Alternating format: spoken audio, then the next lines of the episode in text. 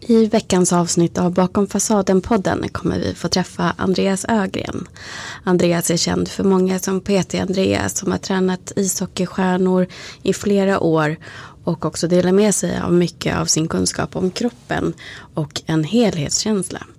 Men vem är egentligen Andreas bakom fasaden? Vem är den vuxna Andreas som har en historia med sexuellt övergrepp i barndomen och en eh, stor, stor mask eller fasad om man vill säga framför sig genom livet. Vad vill han dela med sig av idag? Det ska vi få se snart.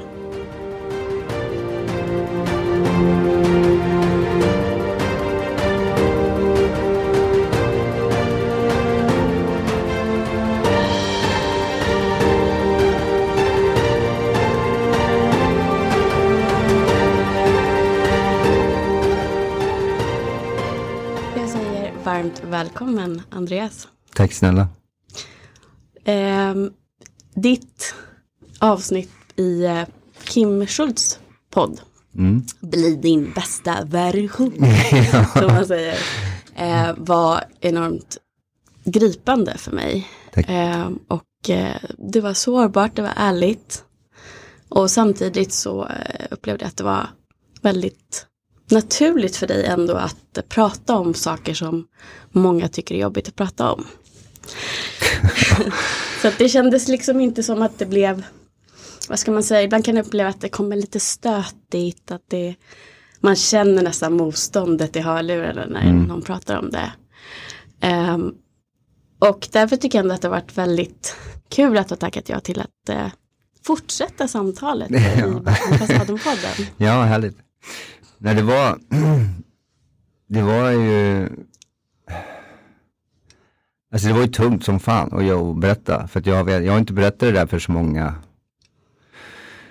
innan podden.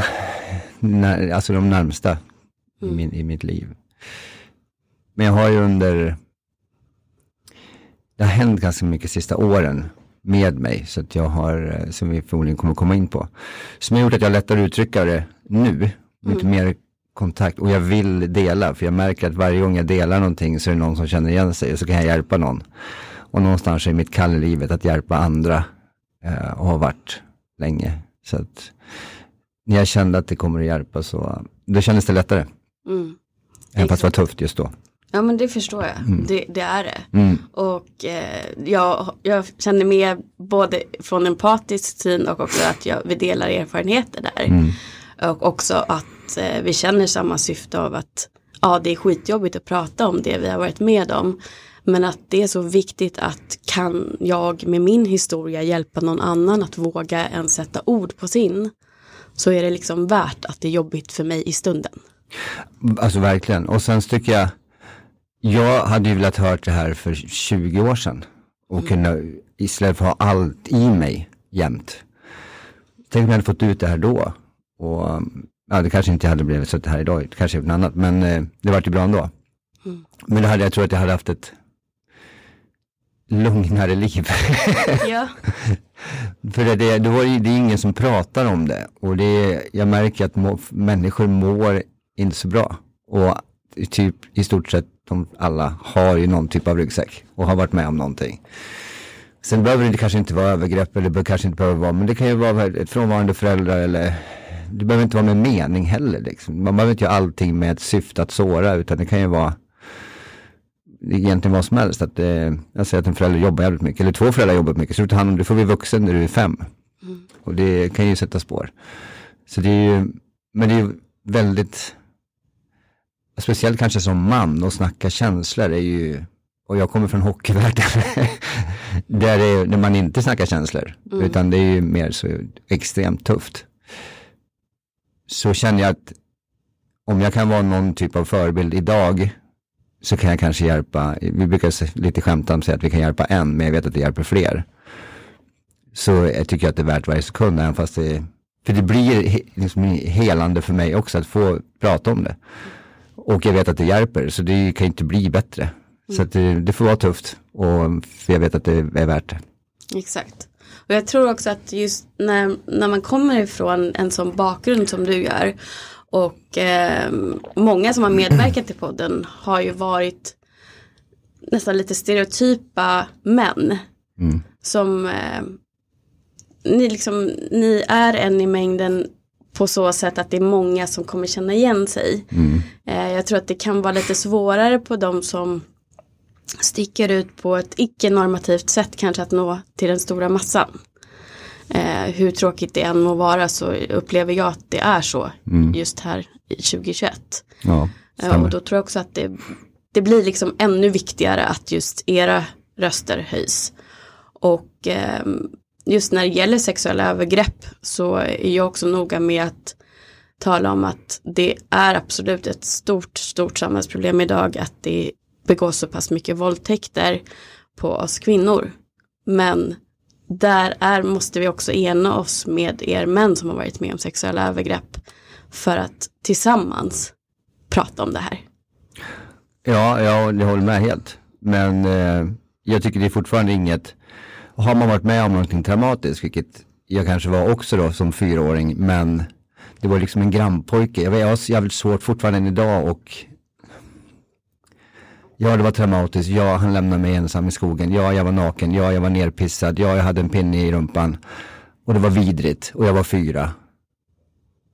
Men han var inte så mycket äldre. Mm. Så jag, vet, jag kan inte vara arg eller jag kan inte, jag vet inte, jag, det är svårt. Jag känner, jag, den jag ser det är mig själv ligga där. Och,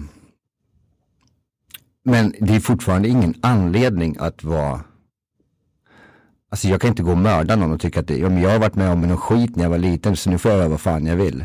Det är inte så. Och jag har vunnit VM-guld åtskilliga gånger jag var offer. Så för mentalitet kan jag. Så det, det är inget synd om mig. Det är, här handlar inte om att jag ska få någon att tycka att det är synd om mig. Tvärtom. Jag har gjort skit, jag har gjort misstag och men det, det, jag kan inte skylla på någonting. Det är jag som har valt saker. Så det är bara mitt fel. Men sen kan man ju ha en förståelse för att man har en historik som gör att det är jävligt jobbigt. Och man kanske inte har fått rätt hjälp och man kanske inte har pratat om det. Så det är klart det är jobbigare, men jag tycker det är aldrig någon, jag tycker det är vid, allt som, som händer i 2021 med, ja i synnerhet kvinnor, att det är så extremt mycket, är ju, det är allt annat än okej, vad en män har varit med om så är det fan inte okej ändå. Det är katastrof. Och, um, och inte bara det, jag tycker all mobbing, all, allt som är ont är ju vidrigt. Så att det är ju inte bara sexuellt utnyttjande, det är ju vidrigt, vidrigt, vidrigt. Men också all mobbing i skolan, att utsatthet, allt sånt där är ju det är någonting vi behöver verkligen prata om och få, få det kommer aldrig gå att göra helt, tror vi 100% men kan vi göra någonting så är det väl fantastiskt. Mm. Det som jag ändå tror är alla som har varit med om någonting traumatiskt eller inte fått sina känslomässiga behov uppfyllda av olika skäl ehm, just i eh, barndomen. Det gör ju att vi ändå inte riktigt vet hur vi ska bete oss när vi sen hamnar i, eller hamnar, går in i relationer, eh, särskilt kärleksrelationer. Det är ju inte någon kurs i skolan som lär oss relatera till varandra eller att ja, eh, om du är otrygg i din anknytning då agerar du så här. Det här har ju jag lärt mig liksom när jag är 40 år gammal. Ja, det verkar, det verkar ta ett tag att komma på saker. Ja. Men det är ju jag, därför också jag brinner för att vi ska prata om det för att fler ska få insikter förhoppningsvis tidigare. Fantastiskt. Men om inte annat, ja fine om det är då när vi kanske börjar söka igen i 40-årsåldern som jag upplever många gör. Eh, att du ändå får svar på varför du agerar på vissa sätt. Och inte heller hamnar i offermentalitet att det, är, ja, men det är ingen som vill ha mig. Ja, men, Okej, det kan kanske inte vara fel på alla andra men inte dig. Kan vi börja titta först på oss själva och Ja. se på vad kan jag läka här. Eh, hur har det här som hände dig som fyraåring tror du ändå visat sig i dina Alltså, relationer? dels har jag ju fått reda på då att jag är alltså längst ut på skalan högkänslig då, som jag har pratat om nu lite grann i, i olika format och som också återigen människor inte vet så mycket, vet så mycket om än. Och inte jag heller.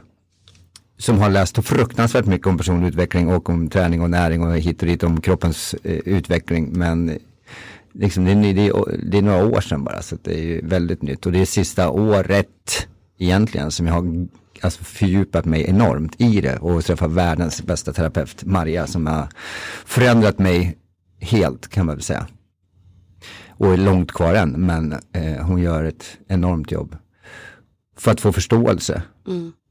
Och det är förståelsen som har förändrat mest. Att jag förstår mycket mer om mina handlingar i hela mitt liv idag än vad jag gjorde för ett år sedan. Och jag tror att i och med att man föds högkänslig och är man med om en trauma då som det är därför man anses vara. För jag pratade ju inte, som mellan fyra och sex års ålder så var jag ju tyst. Mm. Jag pratade inte alls. Eh, inte med någon. Så att jag ansågs ju som blyg. Och eh, som jag har tagit igen senare. så nu pratar jag ihjäl folk istället. Nej då, men eh, så jag var helt tyst i två år. Så det är klart att det, det, det speglar framtiden för mig redan då. Och min mor och far var ju 20 och 21 när de fick mig. Och är ju väldigt älskade, älskvärda föräldrar och älskade mig jättemycket och vi har världens bästa kontakt idag. Och min mamma är ju jättehögkänslig, pappa är högkänslig, min syrra är extremt högkänslig också så vi är en väldigt högkänslig familj. Oh wow, jag är ensam i min. Är det sant? Ja. ja. så det är ju, och det här är ju att skapa förståelse. Alltså jag pratar mycket med min mamma om det här också, att det är som hon känner idag när hon är då typ precis passerat 65 liksom och pensionär men haft extrema ryggbesvär i hela sitt liv med jättesvår skolios till extrema smärtor till en ryggoperation som gick åt helvete så det vart nerv och muskelkollaps och nervskador från du vet kaos.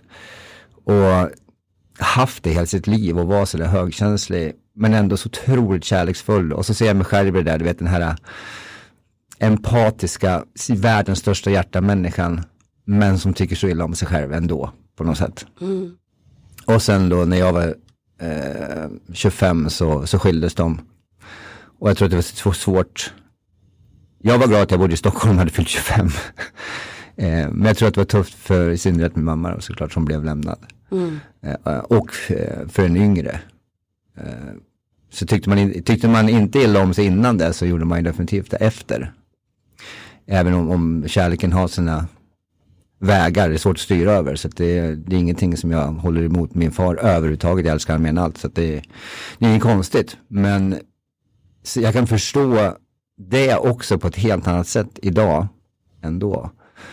Och jag tror att när jag var liten då så var ju, jag, för min mor hade ju lika ont då och hade lika kämpigt då. Och jag antar att hon inte tyckte speciellt mycket om sig själv då heller. Mm. Så jag tror att någon, nu spekulerar jag, ingen aning. Mm. Men jag antar att kanske eventuellt det var så att hon inte kanske gillade sig själv då heller och att jag kände av det. Och att det, jag tog på mig det. Mm. Och tar jag på mig det då som kanske då efter det där hände, så att som jag då från sexåring började ta på mig det också. Det blir jobbigt då. Mm. Så att eh, hon, de, eller bägge två har berättat när jag skulle börja spela hockey så var åkte jag, skjutsade de upp mig på ishallen och sen när det var så här friåkning innan tränaren blåste i pipan så var jag med och så åkte jag omkring och sen när han blåste i pipan då åkte jag av. Så vågade jag inte längre. Så det klarade jag inte. Så då åkte vi hem. Eh, tills en gång som, då sa min mamma, vet jag att det var att, ja, åker vi hem nu Andreas då blir det inget mer. Då blir det inget mer hockey. Vi kan inte hålla på så här liksom. så då åkte vi hem och halvvägs hem så mamma jag med. Och sen så hände, och sen så var jag med. Och sen så vart ju allt fokus på hockeyn då istället. Mm. Så då hade jag någonting att lägga allting på. Och stänga av resten. Och det var där då, om den här briljanta namnet på den här podden, om jag byggde en fasad så var det där. Mm. För någonstans där så började jag växa upp, jag började bli väldigt duktig. Började väl se rätt bra ut. Men ett självhat som var över allt. Men den här fasaden fick jag ju inte. Jag var ju hockeyspelare och jag var cool, tyckte jag. Eller jag, tyck, jag tyckte inte det, men jag ville att andra skulle tycka det. Så när jag stängde in mig så var det ju så mycket självhat så det fanns inte. Och jag vet att vi hade en liten toalett i, i huset vi växte upp i som jag... Tänk om den spegeln kunde tala. Mm.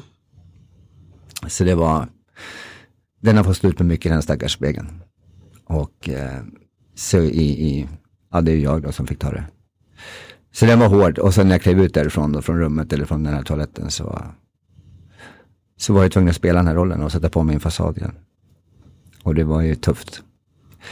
Så att jag blev en mästare på att stänga av. Eh, för att ha så mycket känslor i kroppen så att mitt enda sätt att överleva var att stänga av. Det är en skyddsmekanism. Bara. Det är ju, den kallas oftast för shutdown. Mm. Eller att man går in i freeze mode. Okay. Och det är ju väldigt vanligt just eh, bland män som inte har lärt sig att känna känslor. Mm. Och särskilt känslor som benämns som obehagliga. Eh, att då byggs det upp ännu större föreställning i huvudet också om att om jag skulle sitta med det här då dör jag. Ja. jag kommer inte klara det. vilket gör att man trycker ner det ännu mer och ännu mer. Och som du säger också upprätthåller fasaden kanske ännu bättre för att det är också en sorts inre flykt. Um, och sen kommer ju de här stunderna då när man står framför spegeln, jag känner igen det också. Mm. Um, eller uh, ja, på något sätt hamnar i att det går inte riktigt att undvika längre. Och då ja, blamear man sig själv helt enkelt. Det är där, alltså allting hamnar ju där i, i mitt eget dummande. Det är, precis allting hamnar i, det, är, det har jag lärt mig väldigt, väldigt tydligt det här senaste året. Att det spelar ingen roll, jag har kanske trott att jag vill söka uppmärksamhet från så många som möjligt. Så mycket som möjligt, så bli så bra som möjligt, så tycker, får du mycket cred och då får man höra mycket och eh, när jag var yngre var jag ute mycket på krogen, få mycket cred från andra könet och få höra att du är snygg och så här, men det kommer ju aldrig att räcka. Det kommer det, aldrig att räcka. En yttre bekräftelse kan inte riktigt det fylla det här hålet du har inuti. Nej. Du försöker och försöker och mer och mer och fler och fler. Mm. För att det är det enda sättet du tror att det kan fylla tomhålet inuti. Men i själva verket är det bara du själv och din egen kärlek som kan fylla det. Precis, för man blir lurad för när den, här, den här kvällen när man får uppmärksamheten och, och det är sjukt bra musik i hörlurarna mm. eller i högtalarna och eh, allt flyter. Mm då äger man ju hela världen. Det, det, det, är precis, tänk om det kan vara så här varje dag. Ja. Eller då mår jag ju alltid bra. Ja, gud, ja. Så jävla, man blåser sig själv. Mm. Så att, ja det är, men i slutändan så det här egna dömandet. Vilket är intressant att det spelar ingen roll hur mycket andra människor har försökt säga saker om mig och eh, hitta på saker om mig och ljuga saker om mig och överdriva saker om mig. Och mycket har säkert varit sant och, och saker som jag har sagt och gjort. Så spelar det ingen roll för jag kommer döma mig själv miljoner gånger hårdare ändå. Mm. Sen kommer det här att läggas på vad andra tycker. För att det har ju varit mitt mål, eller varit mitt mål i mitt liv att de ska tycka att jag är bra. Mm. Och sökt mig till situationer som gör att det blir destruktivt och att jag ska göra fel så att min egen värdelöshet får rätt. Mm, den här själv, när det den självuppfyllande profetia. Exakt. Det. Ja. Att du tror, och det, det skrev ju, eller beskrev ju också han i eh, det avsnittet som är så likt ditt. Okay. Att, eh, liksom, att går man in med i en relation och sen också antingen själv drar eller beter dig på ett sätt så att den andra drar då får du liksom bekräftat att ja, men alla lämnar mig. Eller mm. det, jag kan inte få det att funka. Och så har du ännu ett redskap att slå på dig själv med. Mm. Eh, och för den personen som är med någon som gör så. Eh, kan jag bara säga att det upplevs ju också som att jag skulle kunna tatuera in namnet på den personen och stå och skrika att jag älskar honom på gatan. Han skulle ändå inte tro mig. Nej, alltså det finns inte. Nej. Det spelar ingen roll vad ni gör. Nej. Nej. Det kommer aldrig räcka. För så länge mitt eget mm. är kaos så spelar det ingen roll. Exakt. Och det är väl det största, största, största av allt det största jag kommer på är väl just det. Mm. Att det kommer inte spela någon roll vad som händer utanför min kropp. Förrän det är klart inuti. Precis. och det Och då måste man göra den här resan och det är, det är fan ingen lek. Nej. Verkligen. Och när man får den här offermentaliteten också samtidigt som man är för när man blir också sökandet av uppmärksamhet och bekräftelse så blir det någonstans under en avstängdhet så blir det också en egocentrering på ett jävligt märkligt sätt med tanke på hur omtänksam och empatisk jag också är enormt. Mm. Så är det någonting i mig som också gör att jag blir jävligt ego, det är bara jag för att jag ska ha, jag ska ha säger till mig, gör för mig. Som är helt skev. Mm. Som jag förstår idag att jag har gjort förr. Men kan inte förstå att jag har gjort så. Vilket också är så här, Andreas, hur mådde du egentligen? ja men du var omedveten. Du gjorde bara på, ja, på det sättet du hade lärt dig. Mm. Och det brukar ju Maria säga, och tänk om det inte är något rätt eller fel där. Tänk om, du, tänk om du gjorde så bra du kunde just då. Exakt. Och det är de orden hjälper mig väldigt mycket. Mm. För det är ju, jag har aldrig velat såra någon medvetet någonsin. Även om jag har sårat som fan så har jag aldrig velat gjort det medvetet. Utan jag har gjort precis så. Mm. Jag har gjort det bästa jag har kunnat just då. Sen om det har varit helt värdelöst för att i, i grunden just då bara bekräfta att jag är värdelös.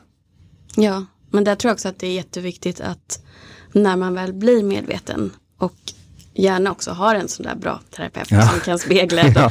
prata med en. Att man någonstans också förlåter sig själv. För att jag visste faktiskt inte bättre där och då. Eh, jag har gjort fel. Men det betyder inte att jag är fel. Utan jag gjorde bara det jag kunde göra där och då. För att mitt skydd var så starkt. Ja. Och sen kan jag göra bättre idag för att jag vet bättre. Och jag kan lyssna på dem jag har gjort illa om det så, finns behov från båda sidor. Och man kan göra någonting bättre nu. Men jag tror fortfarande att du måste, för att riktigt kunna släppa det och gå vidare, ändå förlåta dig själv för det du har gjort när du inte visste bättre. Det tror jag också, jag är inte där än. Det finns människor som jag vill säga förlåt till också som inte vill kanske veta av mig heller. Vilket jag kan förstå, till en viss del. Eh, och jag kan förstå att vissa kanske inte mår helt bra heller och det kanske är skönare för dem att ha mig på avstånd istället för att man måste börja grotta i sig själv då om jag ska säga förlåt och bli förlåten. Mm. Så jag förstår, jag förstår på ett annat sätt. Men jag har en bit kvar till att förlåta mig själv helt för att jag har alltid varit jävligt tuff, tuffast med mig själv som vi har pratat om. Mm, så det, mm. men jag är, jag är en bra bit på väg, verkligen. Och idag så, så sitter jag i varje fall här och försöker göra en bra grej. Ja, och det, jag tror också det är väldigt viktigt när man ger sig in på den här inre resan att man förstår att det tar tid. Mm. Att det är ingenting som kan skyndas fram utan det är bättre att tänka att jag skapar en bra grund här för vem jag är egentligen och vem jag vill vara idag. Mm. Och gör jag det medvetet en dag i taget då ger jag mig själv de bästa förutsättningarna för att faktiskt kunna vara den personen. Men om jag fortfarande rusar fram då kanske jag inte ens lyssnar in på vad jag egentligen vill. Nej. Det upplever jag att någonting jag gjorde förut var också, och i relationer, var gärna rusa fram i någonting, även om det var konfliktlösande. Och kanske inte ens stanna upp och lyssna på vad jag ville eller vad jag ens ville säga. För att jag var så fast vid the outcome. Fast mm. det går inte att veta. Ingen kan ju se in i framtiden. Alltså, Nu kan jag bara skratta åt mig själv. Vad ja. höll jag på med? Ja. Nej, men om jag gör det och bara fokuserar på hur det ska sluta det här. Vilket då i mitt huvud skulle såklart vara att jag hade kvar den här personen. Men vill jag ens ha kvar den här personen? Precis. Har vi lärt känna varandra ordentligt? Vad vill vi? Kan vi kommunicera först? Mm. Så tänker jag mer idag. Mm. Och då känns det mer okej okay att det tar lång tid. Det tar flera år. Men om man då tycker att det är jobbigt att tänka tanken att man ska börja sin resa. Ja men tänk på hur många år det har gått utan att börja din resa. Ja. Då blir det inte så lång tid ändå om du lägger några år på Nej. den. Och då har man ganska lång tid kvar med en ja. helt annan kvalitet. Precis. Tror jag. Är det är otroligt fascinerande och även i mitt yrke då, där jag jobbar med att hjälpa människor nå alltså sitt maximala, både i prestation såklart genom att jag jobbar med världsstjärnor. Mm så ska ju de nå sitt yttersta, yttersta, yttersta. Så snackar jag ju om helhet typ jämt. För det är väl det jag är väldigt, väldigt bra på. För att jag kan se den här, den här andra sidan som många missar då. Vilket har ju gett en jättefördel för mig. Genom att jag har mått som jag har gjort och gått igenom det jag har gjort. Så har jag gett det en fördel i, även i prestation. Mm. Vilket är ju väldigt, väldigt coolt. Och bra. Och att se hur de här människorna på den nivån funkar. Med också en förmåga att stänga av. Fast på andra grejer. Som gör att de kan vara på världsnivå. Mm. Har jag lärt mig massor av också. Mm. Det är väldigt intressant att se. Fan, jag, de stänger ju också av. Men på, en, på ett annat sätt, att de ska klara press, de ska klara, alltså det är massa folk på läktarna, det är press från, som i mikrofoner i ansiktet, det är videokameror, det är fans, det alla tycker och jag vet att några nu som har tagit bort sina sociala medier för att man förlorar ganska mycket och då är det så mycket fans som skriver DMs och, och med så mycket hot och hat och skit och de måste ju också på något sätt stänga av fast det, det är ju inte personligt kanske just, ja, de kanske gjorde en dålig marsch eller en dålig pass eller någonting och så fick de massa skit. Mm. Och det är ju också en typ av avstängning. Eh, men jag tror att det har svårt att komma till den nivån om du inte har klart för dig med det här innan. Mm. Så att ja, du kan träna och springa och styrketräna och hålla på hur mycket du vill. Men ska du komma till en viss nivå så lär du göra det här också. Mm. Så det här är inte bara för mig då, som, som jag, vill, jag vill inspirera såklart alla människor på den här planeten. För jag tycker att alla är atleter. Kan du röra dig in i minsta lilla så är du en atlet. Och då, men även att idrottsmän lyssnar på det här, hoppas jag, för i och med att många sådana följer mig. Och att gå in i den här, hur mår jag idag? För det är många går igenom tonåren, hur lätt är tonåren? Mm. Bara där. Och det, under tonåren här, du ska komma med kanske i, i, ett, i ett, ett, idrottsgymnasium eller du ska åka över på college eller vad ska du göra för Då, då är det alla som tittar på det. Det är scouter, det ska väljas agent och det är så mycket som händer när du är mitt i tonåren. Mm. Du vet, har inte du skallen med dig då eller har någon att prata med eller få höra sådana här grejer att det finns. Varför känner jag så mycket? Varför känner inte han lika mycket? Varför skiter han i att han gör ett felpass och jag håller på att bryta ihop av ett felpass? Mm. Varför börjar jag gråta när tränaren skäller på mig? Han bryr sig inte någonting eller hon bryr sig ingenting. Mm. Varför så? Mm. Och bara för att kunna sitta här och dela den delen också av min resa är jättestort mm. mig också. Ja men det förstår jag. Där, det känns som att det återkommer med nästan alla jag träffar genom podden också. Där den här önskan om att vi tidigt ska börja prata om saker och förklara just olika anknytningar och just den undvikande som verkar så lugn och cool och han eller hon bryr sig inte ett dugg medan de har jordens stresspåslag inuti. Mm. Det bara syns inte. Precis. Och jämför man sig med de har en annan anknytning och särskilt vi som är högkänsliga som inte har riktigt förmågan att stänga ner alla känslor på det sättet. För vi känner mer. Ja. Vi har ett helt annat utvecklat nervsystem än vad andra människor har. Mm. Då kanske man börjar slå på sig själv just för den anledningen. Att för mig var det mycket sådär att jag tänkte att hur kan jag ta den här grejen så hårt och bli helt förstörd när andra inte bryr sig. Mm. Det måste vara något fel på mig, jag måste ha någon, ja, det är inte säkert någon, någon psyk, psykisk eh, diagnos, jag mm. kanske behöver medicin och sådana saker. För jag hade ingen kunskap alls om varför jag kände hela kroppen när jag blev ledsen. Men också kände hela kroppen när det är en vacker musikstrof. Mm. Ja. Eller en vacker solnedgång ja. eller sånt där. Så det är på gott och ont och bara Verkligen. man lär sig vad det är för någonting. Och där tycker jag också när man har människor att göra som du beskriver så är det en otrolig in, alltså tillgång. Mm. För att du känner in på ett annat sätt och kan komma lite under skalet på andra människor och hjälpa dem på så sätt för att du känner lite till än vad någon annan ser. Du ser lite mer, du ser lite igenom folk. Verkligen, och, och sen en annan som också jag brukar också vara noga med det och säga när jag delar med mig sådana grejer att det är det är så jävla, om jag får svära, förlåt, mm. positivt med högkänslighet. Alltså om man, kan, om man vet om det, förstår och kan hantera det så är det en begåvning utan dess like. Så att jag ju, kan ju se idag och vara väldigt glad över det, att jag kan se helheten som du säger själv. Jag kan se nästan igenom en människa. Och det, det är svårt idag när jag är väldigt medveten, det är svårt att ljuga för mig. För att jag känner att du pratar, du är full of shit right now. så det är ju det är väldigt bra, och jag tror så mycket på helhet. Jag tror att tankens kraft, både i prestation, i rehabilitering, alltså vi pratar placebo, att det är någonting, placebo är fantastiskt. Det är så mycket sådana här grejer som har med, med alltså skallen och helhet att göra.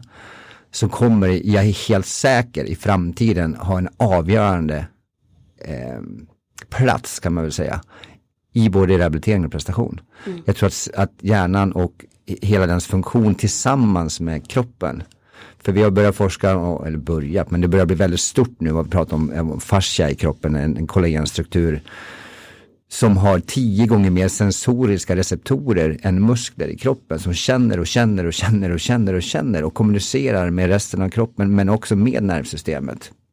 Mm. Och det är det här som reagerar när vi blir rädda eller när det någonting händer. Och, så vi tror att den vävnaden idag reagerar på saker som händer jävligt mycket fortare än vad nervsystemet, för nervsystemet är så långsamt. Och då kommer det här kunna påverka, tänk dig rörelserädsla, de som har ont och är rädda att röra sig. Vart kommer det ifrån? Och så får man höra, rör det inte för ryggen går av då. Mm. Så det sitter så otroligt mycket starka saker som vi kan, och som jag har blivit väldigt bra på, att luckra upp. För att jag kan ibland få också säga, jag jobbar ju nu också med väldigt komplicerade case, eller komplexa till och med kan man säga ibland. För att de är typ omöjliga att lösa. Och de har varit runt på alltihop och när de kommer till mig så bara, men neurologen har gett upp, han vet inte vad han ska göra. Och så tänker jag så här, vänta nu, jag är från Timrå, för detta hockeyspelare. Och en neurolog har gett upp. Det här ska jag ge mig in på. och så kan jag det. Mm. Och så kan jag se helheten på grund av min erfarenhet. Mm. Och det hade jag inte om inte jag gått igenom allt jag gått igenom. För det jag måste ge mig själv cred för, det är att ja, jag har gjort mycket misstag, jag har gjort mycket fel, jag har gjort mycket skit och sårat och varit bedrövlig. Men jag har varje jävla gång utvecklats. Jag har sett, okej, okay, jag har gjort det här, varför gör jag det här? Vad kan jag göra bättre? Vad kan jag läsa för bok? Vad kan jag, vem kan jag träffa? Jag har haft så mycket terapeuter, jag har läst så mycket böcker, jag har läst på så mycket poddar. För att jag vill inte såra någon. Jag vill inte vara dum, för det är en högkänsla. Det sista den jäveln vill det är att, nu måste jag sluta svära känner jag. Nej, fara. Jag blir så passionerad. Ja, jag blir passionerad bara. Men, eh, tappade jag bort det, vad var jag? Nej men eh. du, du vill inte det högkänsliga, du vill inte göra det, du ser Nej, allting som en Exakt. lärdom och du, tar, du ser det som en, en möjlighet till utveckling. Precis, och tack vare det har jag blivit extremt bra på mitt yrke också. För att jag har pluggat extremt mycket, både självutveckling och mitt yrke. För att någonstans, både för att jag tycker inte att jag, jag tycker inte jag är bra. Jag har jobbat 20, var det 22 år nu som tränare. Redan för nio år sedan vart jag vald till årets tränare i Sverige. Eh, och det är ganska länge sedan och jag tycker fortfarande kanske inte att jag är speciellt bra ibland. Eh, folk bara, eh, okej. Okay. Och så håller jag på med sådana case som jag gör idag och så vet jag att just där och då när jag får ett mail som kanske är du vet, 15 A4 med skadehistorik och människor i min närhet som jag kan, kanske visar ibland och de bara, vadå ska ge du på det här? Ja, ja det är klart och du kommer att lösa det också. Och så gör jag det. Och det är ju 100% enbart för att jag förstår helheten och min erfarenhet, min historik. Och för att varje gång det har hänt någonting mig i mitt liv så har jag gjort någonting åt det och utvecklats. Sen är jag långt kvar. Mm. För att ingen människa blir någonsin klar utan hela livet är en resa. Och det, ja. Så är det ju. Men det positiva är att jag, jag älskar ju munken som sålde sin Ferrari, att man alltid ska se motgångar, misstag som någonting värdefullt. Och man gör någonting åt det. Inte mm. bara slå igen och så bara, äh, skitsamma, det var dens fel, det är ditt fel, det är ditt fel att du dömer mig. Mm. Ja men det är sällan det. Mm.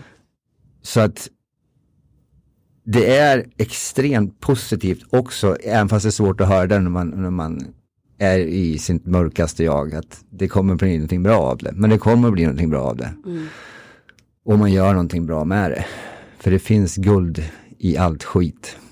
Det gör ju det och det jag tror, jag, jag har också landat i en liknande syn. Jag tycker att det är så givande också att också när man sitter i det mörkaste att för varje gång man hamnar där så inser man att det här är en del av livet. Jag kommer aldrig kunna säga att jag aldrig mer kommer såra en människa för att jag är just människa. Exakt. Och vad jag sen väljer att göra med det, egentligen det som definierar mig, hur jag är som person. Mm. Om jag väljer att se svårigheter och också bra saker som alltid någon Ge lite tid till självreflektion. Vad kan jag göra bättre här? Är det här någonting jag tycker är okej? Eller inte. Eller väljer mm. att som du gör då, liksom att nu, nu kan jag lära mig någonting av det här. Bolla det med någon terapeut kanske eller läsa på om det som anknytning. Mm. Jag fattar ingenting. eh, först jag hade fått en, eh, köpt en bok för sju år sedan. Mm läst lite, ah, ja, okej jag verkar tydligen vara ambivalent. Och, ja. Men jag gjorde ingenting åt saken. Det var liksom, ja okej det är tydligen någonting som finns. För jag var väl inte mottaglig och redo där och då. Nej. Och det är vi inte alla. Och alla som lyssnar på det här kanske inte är mottagliga här just när de sitter och lyssnar på det. Men det kommer ändå ligga kvar i bakhuvudet. Och sen när de är redo, då kanske de går tillbaka och lyssnar igen och ser okej okay, vilka verktyg kanske jag ska se om det passar mig. Mm. Det tror jag är jättebra. Och jag, och jag lyssnade på, och jag vet inte om det var ditt förra eller förra, förra avsnitt med, om högkänslighets också. Mm. Och där du pratade om att det här med positivt tänkande inte alltid är så jävla bra idé. och det, det, är inte så jävla bra idé ibland. För att när man ligger där och det är så mörka så bara så hör man de här, om man tänk positivt. Det är fint tänkt kanske av den här människan som säger det. Men det kommer kanske inte funka så bra. Nej, inte där. Nej, så att jag tycker istället, man kan acceptera att nu är jag här. Jag mår dåligt, men det är en känsla i mig som gör att jag känner mig kanske till och med dålig. Och du kanske till och med har gjort någonting dåligt. Men som du sa förut till mig också, betyder det att jag är dålig egentligen? Det gör det ju inte. Så, men det, det, kan, det är okej att må dåligt. Mm. Alla mår dåligt. Mm. Och vem vill ha flatline? Då är vi död. Mm. Det verkar ju helt värdelöst. Så vi vill ha lite, nu kanske vissa och kanske som du och jag har väldigt djupa botten och väldigt höga toppar. ja. Det är extremt mycket liv. Vilket är ju fantastiskt på sitt sätt men det kan också bli väldigt jobbigt. Men någonstans så är det okej okay att må dåligt. Mm. Att det inte är något fult. Det är, det är inget fult att må, ligga där och må skit ibland.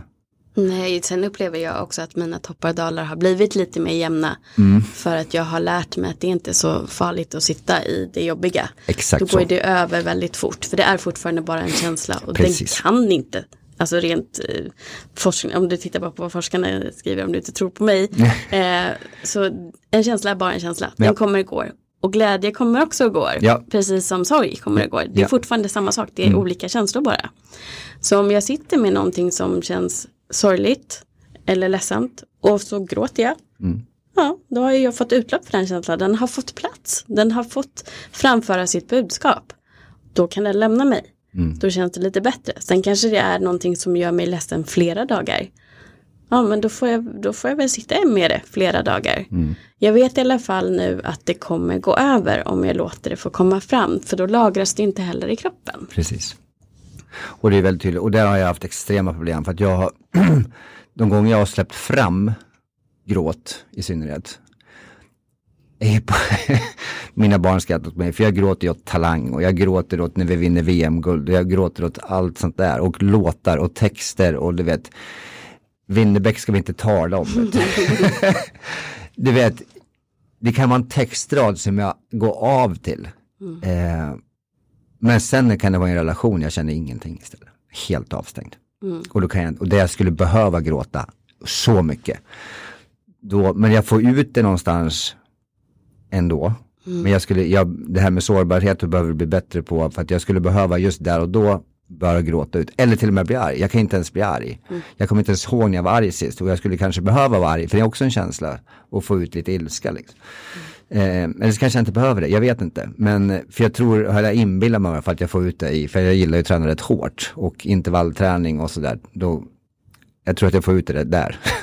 Mm. för då kan jag ju köra på uh, och få ut ganska mycket frustration. Uh, men det, det är sårbarheten som jag har fått kämpa med. För jag känner ju att jag har inga problem och en del tycker att jag är rätt bra på att utbilda och föreläsa och, och skapa en känsla i ett rum och sådär. Och i och med att jag har ganska mycket erfarenhet och kunskap så brukar det bli rätt bra. Men att hålla tal för någon som jag känner något för, min, typ min syster eller du vet när hon fyllde jämt. Jag klarar ju två ord, sen är jag gone, vi hörs, då börjar jag gråta och sen kan jag inte prata mer. Så det, det, det, är så otroligt hur jag, hur jag agerar olika. Men sätt mig i Globen fullsatt, jag kommer inte ha någon problem. Mm. Men det är ju, där är ju du trygg. Helt. Det är ju det. Ja. Utan det, det kanske upplevs som att det är samma sak för att det har med sårbarhet att göra. Men det är olika situationer och olika levels av trygghet. Precis. Och vi blir ju som mest sårbara när vi har med någon att göra som vi känner någonting för. För att någonstans, för oss i alla fall, så finns ju den här tanken att jag vill säga det här, jag vill uttrycka det här. Men gör jag det så ger jag också bort möjligheten till den här personen att faktiskt såra mig. Ja, exakt så. Och där måste vi öva och hitta orden och jag kan säga efter ett år av otroligt mycket jobb så kan jag fortfarande inte riktigt hitta orden. Nej. Så det tar ju tid och man kanske tycker att det är lättare ibland att ta, lyssna på den här låten eller man skriver ett brev och liksom försöka hitta det så här små knep. Men jag tror att vi måste någonstans när vi känner att vi har nått dit att se, okej, okay, rädslan är kanske på sju av tio. Mm. Men är viljan verkligen lägre? Eller är den faktiskt börjar komma högre? Då får vi faktiskt gå på den känslan och lära oss att stänga av lite rädslan. Mm. Precis som man gör med rörelserädsla ja. eller um, som jag länge tyckte det var skitläskigt att hoppa upp på sådana boxar. För jag trodde att jag skulle slå mig i knäna. Liksom. Mm. Um, men sen märker jag att ju mer, eller ju fler rädslor ska säga, som jag möter på andra sätt i livet, desto mindre rädd var jag för den här boxen. Mm. Så det hänger ändå ihop på något sätt. Men var varsam med dig själv. Mm. Och tänk på att det här är ju någonting du inte är van vid. Bara för att du klarar av att stå och prata inför Globen.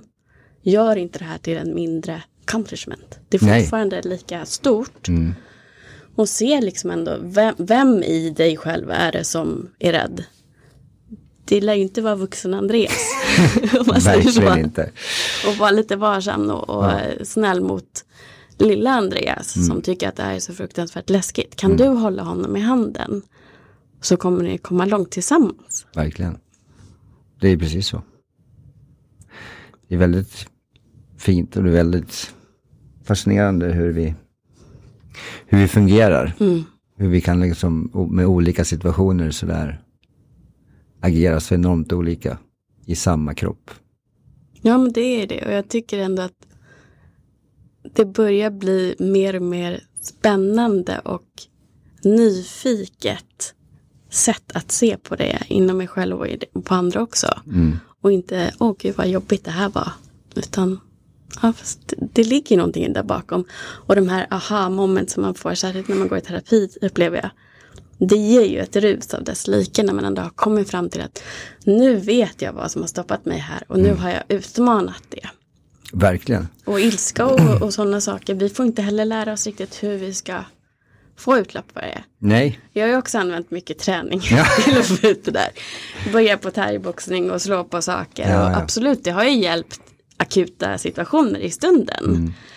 Men, och just det här att jag älskar också det där med känslan av att ta ut mig för då kände jag mig klar. Och har jag lättare pass då kan jag känna, äh, jag har inte mm. gjort någonting. Fast det har jag. Såklart. Men där har jag fortfarande jättesvårt och min terapeut har ju liksom, ja ah, vi får fake it till you make it, slå med tennisracket på kudden här och jag kan inte.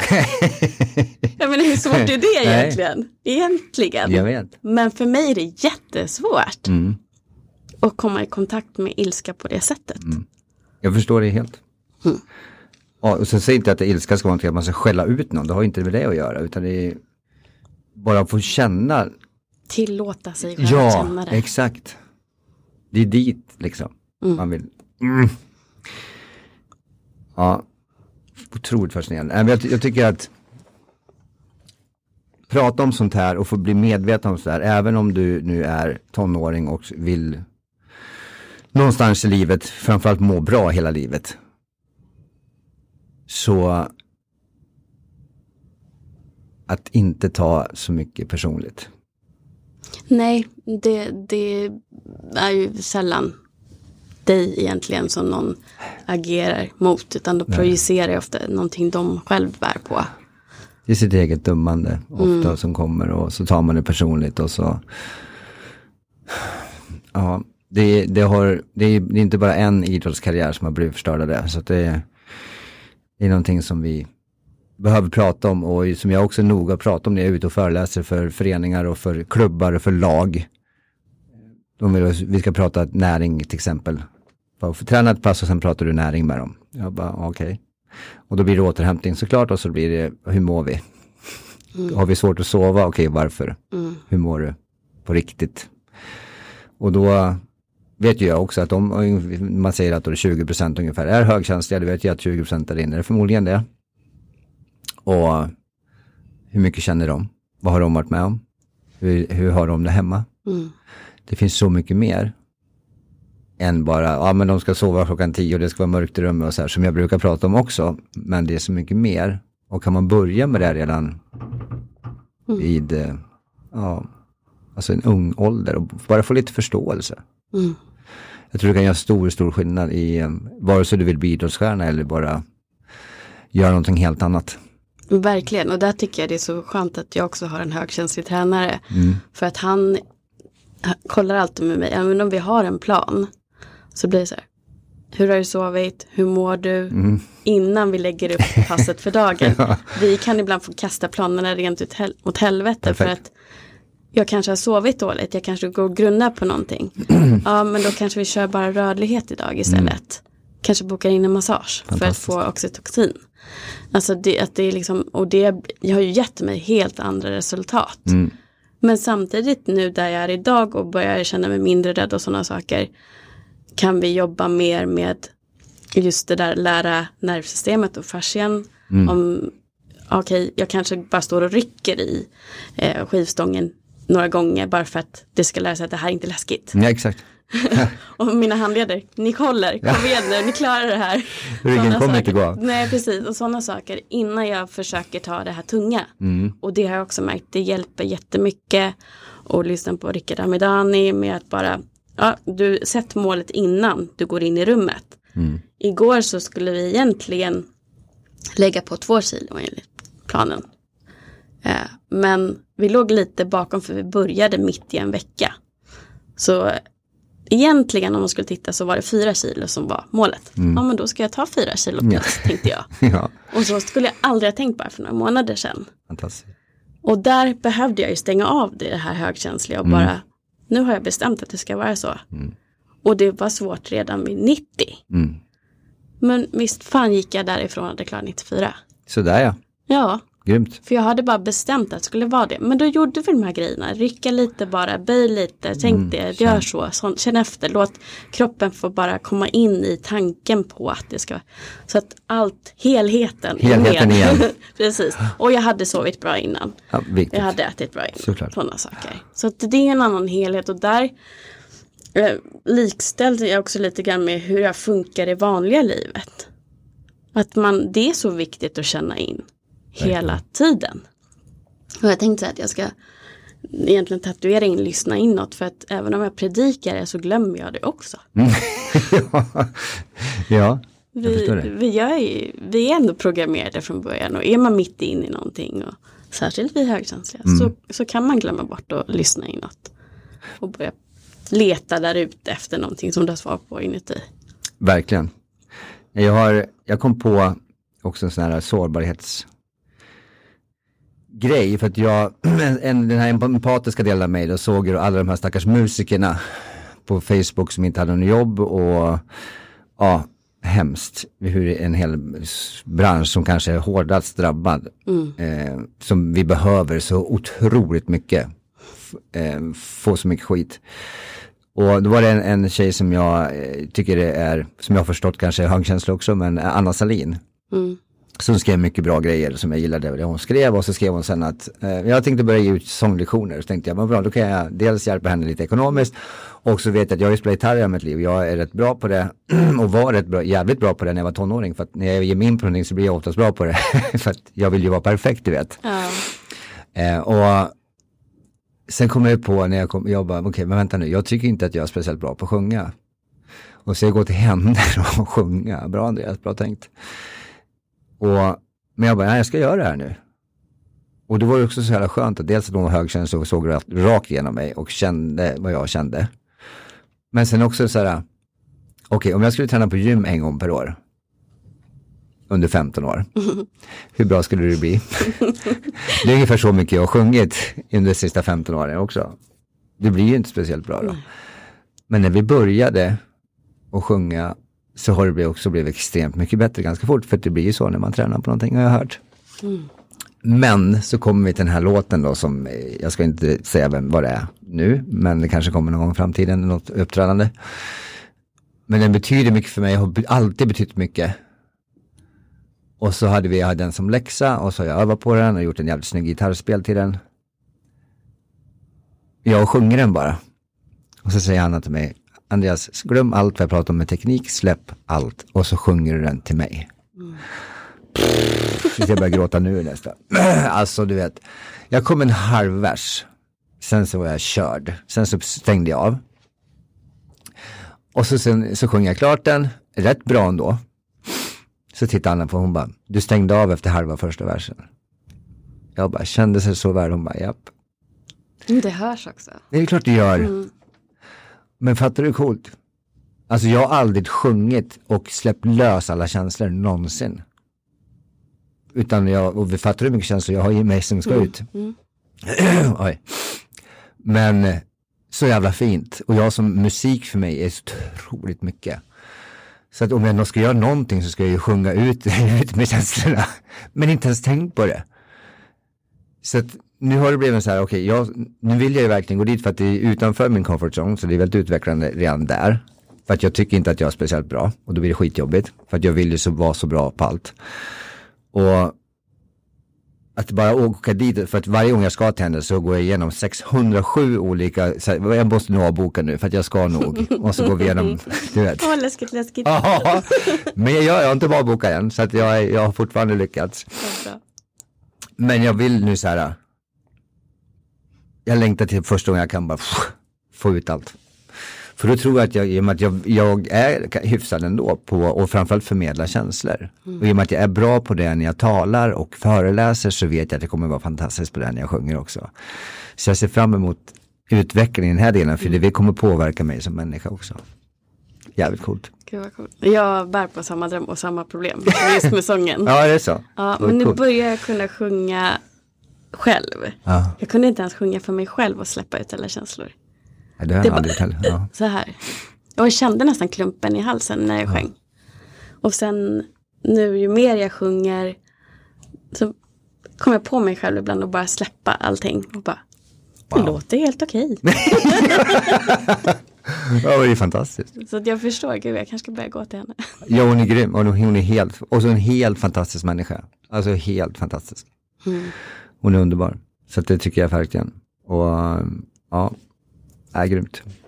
Vad coolt. Det var väldigt inspirerande. Det är ju ändå en utmaning. Som du ger dig själv där och där möter du ändå mycket. Jag vet, alltså det är det som är intressant med att gå tillbaka igen till mitt, alltså his, historien. Det är roligt, jag har alltid, för att vara så känslig och rädd för att någon ska tycka illa om mig och rädd för dömandet, vad andra ska tycka, så jag kastat mig ut i skit jämt. Mm. Alltså jag åkte omkring när jag slutade med hockeyn, alltså när samtidigt som jag höll på som, och började som PT och spelade som trubadur. Liksom. Och jag tyckte inte då heller att jag var speciellt bra. Men jag gjorde det och fick skit och skäll och vissa gånger fick jag asmycket beröm och så så hade jag en agent och så hade de ringt och skällt till henne att jag var skitdålig och så fick jag komma till henne och spela upp och hon bara du är ju skitbra ju. Mm. Jag bara okej. Okay. Och du vet det var så jobbigt för mig och det var hemskt men jag gjorde det ändå. Vad var det dig som gjorde det då tror du? Jag vet inte, jag har försökt luska i det men jag vet inte. För... Någonstans så vet jag att jag behöver utsätta mig för saker för att utvecklas. För att jag började till och med min, min karriär med en, en veckas mentaltränarutbildning. Mm. Så att jag har ju vetat om mitt kaos i skallen. Så att jag har ju någonstans fattat att utmaningar kommer göra mig bättre och starkare för jag vet att jag behöver hjälp och jag behöver utvecklas och jag behöver bli bättre. Jag antar att det är därför, men jag kan inte sätta fingret exakt på vad det är. Nej, det, det jag känner när jag hör dig berätta allt möjligt att det känns som att du är lite på ett mission att öppna upp och våga stå kvar. Mm, exakt. Att du letar vägar, sången eller vad det än må vara. För att du vet att du vill dit. Och det kanske fortfarande känns som att det är lite för brant berg att gå upp för när det gäller relationer. Verkligen. Men sången är egentligen samma rädsla. Mm. Och det är lite där jag tänker också om jag drar paralleller till att när jag gör likadana saker så spiller det över på sånt som jag haft svårt för i träningen till exempel. Och jag tänker om du då hittar den känslan i det du väljer att utsätta dig för där. Mm. Så kanske det blir lättare för dig även på det som du tycker är så svårt. Det är nog väldigt briljant sett och hört och lyssnat av dig. Ja, men det, det låter ju väldigt troligt. att jag tar den vägen. Jag tar den långa istället för rätt upp. Ja. Men jag tror att det kommer att, för jag är ju rädd, jag är livrädd, alltså jag är livrädd för separation, jag är livrädd för att bli lämnad. Och jag är ju, sen jag började och träna också superstjärnor så var det jag var så rädd för att de skulle lämna mig så jag gjorde precis allt, allt, allt, allt, allt, allt i min makt och lite till för att de skulle stanna kvar. Och de måste ha tyckt att jag var extremt jobbig och märklig och konstig och allt möjligt säkert. Nu jag spekulerar jag, ingen aning. Men det gjorde också att jag ville ju bli bäst för att jag ville att de skulle stanna. Så att jag, en av till anledningen att jag pluggade och jobbade och jobbade och pluggade och pluggade och jobbade och jobbade för att de skulle stanna. Mm. För att den här separationen är ju livrädd för, för då kommer mitt eget dummande ta över hela mig och då blir det hemskt. Så att det är ju det, ja, alltså, jag kommer ihåg första gången jag gick en behandlingsutbildning bara för Vi är högkänsliga, jag hoppas ni hänger med här, för det, då, när man är högkänslig kan man hoppa från ämnen. ja, det kan man verkligen. Och jag hänger ju med. ja, jag vet inte. Och det älskar att du hänger med. För så funkar vi, det är inte så att jag släpper någon röd tråd utan vi bara hoppar. Så, så funkar vi. Sen kommer vi tillbaka till det Sen kommer vi, exakt så. Ja, så vi kommer styra upp det här till slut, ska ni se. Men, och första gången jag gick i behandlingsutbildning, jag tror att det kanske är typ 12 år sedan eller sånt där. Så gjorde jag det fast jag aldrig hade gjort det. Och det här är så bra idag i och med att jag utbildar själv nu i fasciabehandling. Så det är så bra att jag gjorde så här då, men det fattade jag inte då, för då tyckte jag att jag var en sopa. För det jag gjorde var att jag inbillade de andra på utbildningen att jag lär mig bättre när jag tittar bara. Jag ska inte göra, kom igen Andreas, en behandlingsutbildning, jag ska inte ta på någon.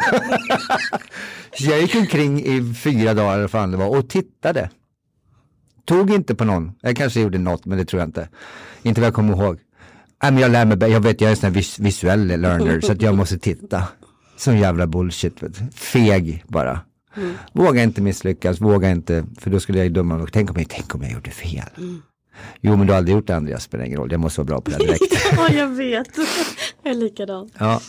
Så det är ju, och det är ju superbra idag när jag har en egen utbildning för då vet jag ju att det kanske finns någon sån där. Mm faktiskt. Och det ironiska är att det är ofta de som är mest utbildade, de som har någon typ av titel redan, som är så. För de ramlar direkt in sin egen teknik som de är trygg i och vågar inte gå in i den här nya tekniken för då kan de göra fel. Ja, gud vad läskigt. ja, gud vad läskigt. så att det är också återigen så att jag tror någonstans att jag har tänkt att så fort jag har gjort någonting så här läskigt och så har jag blivit sen bra på det så har det utvecklat mig så otroligt mycket. Så att därför har jag varit och gjort det igen och igen och igen och igen. Mm. Och jag tror att det är därför också som när jag har gjort misstag mot andra människor och sårat och hållit på så har jag också, jag vill ju inte det, jag vill ju vara bättre. Jag måste, okej okay, hur ska jag göra för att inte göra så här igen? Och saker som jag har gjort i mitt liv som jag tittar tillbaka till nu och som du säger själv, sökt vägar. Jag testar det här nu. Mm. Nej det var inte min grej. Jag testar det här nu. Det var inte min grej. Jag testar det där nu. Och så har jag lärt mig, och på den resan så har det ju såklart blivit sår, alltså har jag sårat och behandlat människor väldigt dåligt. Som jag är allt annat än stolt över idag. Men återigen, det var, det var nog ändå så bra som jag kunde göra just då. Mm. Och det var aldrig någonsin en medvetenhet till att såra. Men jag kan inte, jag, jag måste någonstans säga att idag, att jag är den jag är idag, är tack vare allt det som har gått, inte rätt upp för berget utan som har gått runt omkring. Och så en smäll där och så lärde jag mig där, så en smäll där och så åker jag på den här utbildningen där och så visar jag att nej, men jag ska inte behandla för att jag tittar ju hellre. det är ju så roligt det där. Um, så jag tror att hela den, jag vill tro och hoppas att min hjärna funkar så att det är så jag vet att jag och Andreas utvecklas mest. Men är det inte lite så att man långsiktigt bygger upp en trygghet. Jo. För att om du väljer att göra någonting som är lite kingre klokt längre, mm. då har du också mer tid på dig att bygga upp att det här är inte så läskigt. Jag klarar det här. Mm. Jag är ganska bra ändå. Mm. Istället för att bara rusa in i någonting och så aj det där gjorde ont, nu vågar jag inte mer. Det är bara en tanke. Men... Ja men det tror jag, det kan verkligen vara. Så nu också så här, så att, att, för mig att utbilda är ju det det är väldigt bra för, för de som, deltagarna som går. För att jag är så förberedd när jag kommer dit så att det liknar ju ingenting. Så att jag pluggar så mycket och förbereder så mycket. För att jag vill att det ska vara så, så bra som möjligt såklart. Och bara för, alltså gå tillbaks tio år. när jag fortfarande, säger för åtta år sedan eller nio år sedan var det var när jag vann årets tränare i Sverige. Jag var ju rätt bra då. Verkligen. Jag har ju tränat liksom världsstjärnor i vadå, 15 år. Så jag har ju uppenbarligen varit rätt bra länge. Mm. Men att säga då att jag skulle ha en egen utbildning, kom igen, finns inte. Finns inte. Eh, idag så har jag öppnat, jag har startat en egen podd, jag har öppnat ett eget gym som har varit en dröm i så många år. Men alltså kanske utåt en dröm, men jag skulle ju aldrig ha vågat. Så det, är ju, det har ju varit en dröm, men jag skulle aldrig ha vågat. Och plus startat online-träning som är extremt jobbigt för mitt psyke. Att, att någon som jag aldrig har träffat ska jag hjälpa. Som jag vill bara finnas där hela tiden. Och extremt jobbigt för mitt psyke. Eh, men är oerhört utvecklande. Och alla tre flyger, vilket är fantastiskt kul. Mm. Och bara sista året också egentligen har jag från att, om vi går tillbaks tre år med Instagram till exempel. Så frågade jag, eller kanske, ja, ja längre också. Fram till kanske bara för ett år sedan också, eller ett halvår sedan. Så har jag frågat, du vet, två, tre pers minst, mm. till, för varje inlägg. För varje, ja, varje gång jag la ut någonting så var jag tvungen att fråga folk. Nu tänker jag, för att vi har ju ändå varit bekanta i tre år. Ja. Det var i tre år sedan jag var på Actic. Ja, okay. Så det blir, ja eller i sommar om vi ska ja, ja, ja. Och det, det har ju blivit ett helt annat djup i dina grejer. Och det blir, alltså det var ju fortfarande, det var ju kul att se vad ni gjorde, men det var inte lika, det tog inte tag i mig på samma sätt som det gör nu. Nej, för nu är det jag. Ja. ja. Nu ser man Andreas, inte då bara var, då var det tre, Andreas. Nej, då var det tre andra som hade sagt sitt. Mm. För jag var så noga med att, är det rätt stavat? Är det för kaxigt eller inte för kaxigt? Är det motiverande? Är det inspirerande? Ah, tänk om jag gör fel. Vem, vem ska säga att det är fel? Det är någon annans åsikt. Och så kommer vi då, är det 10 000 som ser det här så är det 10 000 åsikter. Mm. Jaha, och? Och idag så bryr jag mig noll. Mm. Utan jag vet att jag har väldigt bra information som jag vill dela med mig av och jag gör det. Om jag stavar fel ibland, det skiter jag i. För att jag är människa, jag mm. stavar fel ibland. Ja. Och det spelar ingen roll. Nej. Nej. Och är, är du ordpolis och du mår dåligt av det, då kanske du har lite att jobba med. Hos dig själv. Exakt. ja, precis. Så det, och det är ju fantastiskt att, att känna så också. Mm. Jag skrattade lite åt mig själv nu när jag åkte hit nu och filmade mig själv i bilen för innan jag sa att jag var på väg till dig. Och bara så här, vänta nu vad är solen? Så jag bara skit i solen Andreas, filma och skit hur det ser ut för att jag jag har ju biverkningar från sprutor som jag tog i, mot, jag har ju Crohns sjukdom som jag fick veta i somras. Sen försökte jag ta medicin som gick fullständigt åt fel håll. Så jag har slutat sedan två månader men biverkningar kan sitta i, i ganska lång tid till. Och vissa som i natt då har det varit asjobbigt. Jag ser att jag har liksom 30 slag mer i puls, jag blir svullen, jag ser svullen ut i ansiktet, svullen i hela kroppen, det blir jättejobbigt. Och när jag ser mig själv när jag spelar in, jag bara okej, okay, svullen som ett as. Det kan du inte lägga ut. Jo det kan du visst för det spelar ingen roll. Jag Nej, säger jag, jag har inte ens tänkt. Nej, och det är förmodligen bara jag som tänker på ett. Men jag tänker på ett. Ja. Och det hade inte hänt förut. Att jag la ut en sån video. Det är inte jag själv tycker att jag är perfect. Du vet. Mm, mm. Så att bara, nu bara, men lägg ut bara. Ut med skiten. Det är kul att jag är på väg hit. Vi kommer göra någonting bra som någon annan kanske blir inspirerad av och kommer kanske förändra något liv. För det är ju magiskt. Så att ut med det bara. Låt folk veta att jag är på väg hit. Mm. Så att det, är ju, det har ju hänt såklart mycket och då blir det mycket mer Andreas och då blir det mycket mer djup. Och nu har jag, jag kan fråga ibland om, om stavningar absolut för att om det är långa texter och och så bara för att få dubbelkoll, inte för att jag ska ändra innehåll för jag vet att det är svinbra mm. för att jag har skrivit det. Mm. Men om jag kan fråga någon då så här, kan du bara kolla stavningen så att jag inte har missat för man blir blind ibland själv bara. Och för att jag vill att den ska vara bra liksom. Mm. Men är det så här, så vet, jag kan stava fel på stories och sånt där, jag bryr mig noll. Och det är oerhört skönt. ja men det är ju det. Ja. Känner du att du är mer dig själv överhuvudtaget nu? Alltså för varje dag som går så blir jag mer och mer mig själv. Att jag vågar vara den här känslomässiga killen som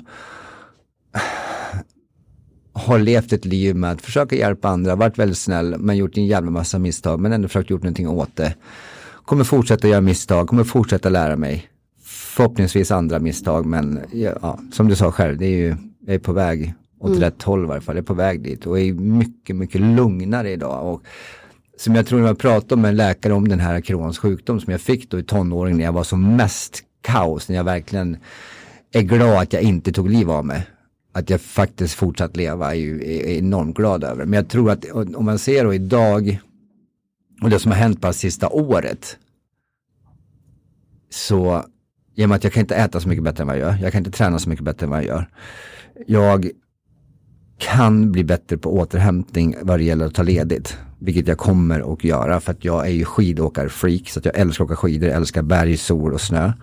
Så jag kommer att åka ännu mer skidor. Eh, men jag mår ju mentalt väldigt mycket bättre. Mm. Och jag vet ju att när min mage är som värst har jag alltid varit när jag mår som sämst. Mm. När det, det är stress. Det hänger ihop. Det hänger ihop. Så jag tror att jag kanske inte kommer behöva någon medicin. Så jag gav den här sprutorna en chans, det gick inget bra. Jag ska försöka må ännu bättre mentalt och se att kan jag lugna ner mig ännu mer, kan jag återhämta mig lite till, kan jag och sen kanske jag får någon så här skov som det heter ibland, men det är ändå håller på en bra nivå. Så kanske jag slipper medicin Mm. och bara får vara jag. Jag tror att det kommer att det är också en, en mål, som är någonting som jag vill göra med min personliga resa också för att jag vill inte äta medicin. Om vi ska börja avrunda med just frågan vad du har för mål personligen om man ska titta på din inre resa. Om du tittar lite på hur, vilka framsteg du ändå har gjort senaste året. Vad tror du någonstans att du är om ett år? Mitt mål är att f- fortsätta såklart inspirera och motivera andra människor till att må jävligt bra med att tala om sådana här grejer, hur hur jag har mått, vad jag har gått igenom och vad jag går igenom. Men framförallt så skulle jag vilja i de nära relationerna kunna öppna upp helt och vara sårbar, våga älska, våga bli sårad. För det, det kommer gå över det också.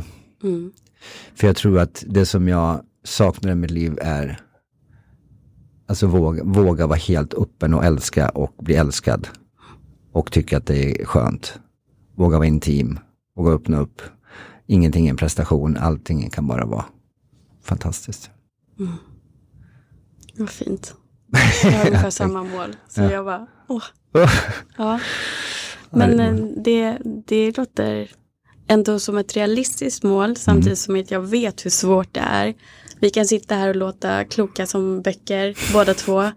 Men sen när det kommer till sådana här saker som man ändå som trygg person ser som själv, självklara. Det är inte så självklart för oss. Nej. Så för oss blir det som att gå upp Kebnekaise. Ja, Och i där i också vara väldigt kärleksfull mot sig själv. Verkligen. Med att det är svårt. Det får vara svårt. Men man får inte ge upp. Målet upp. måste fortfarande vara där. fint. Bra avslut. Tack så jättemycket Andreas för att du kom hit idag. Tack snälla för att jag fick vara med. Och eh, jag tänker att eh, det vore kul att följa upp dig om något halvår, något år. Verkligen. Så pratar vi jättekul. vidare där. Jättegärna. Och eh, vill man lyssna mer på dig så har ju du och Kim en eh, podd. Mm. Vad heter den och vart hittar man den? Den heter AO Performance Powerpod. Som är bara 15 minuters avsnitt. Med så mycket info vi kan bara peta in på 15 minuter. Och den finns där poddar finns. Och annars på min Instagram, pt Andreas, hittar du allt annat. Ja. Och eh, din hemsida? aoperformance.se. Ja. Och jag kommer som vanligt också lä- länka till alla de här ställena som du hittar Andreas på för att ni lättare ska kunna bara klicka och hitta honom. Det kan ju också vara så att du vill ha hjälp bara med din träning eller din kost eh, och därigenom också ta del av alla kloka saker som Andreas bär på. Tack snälla. Och eh, du som har lyssnat, tack också till dig och fortsätt lyssna, fortsätt dela och eh, som vanligt, tills vi hörs igen, ta hand om dig.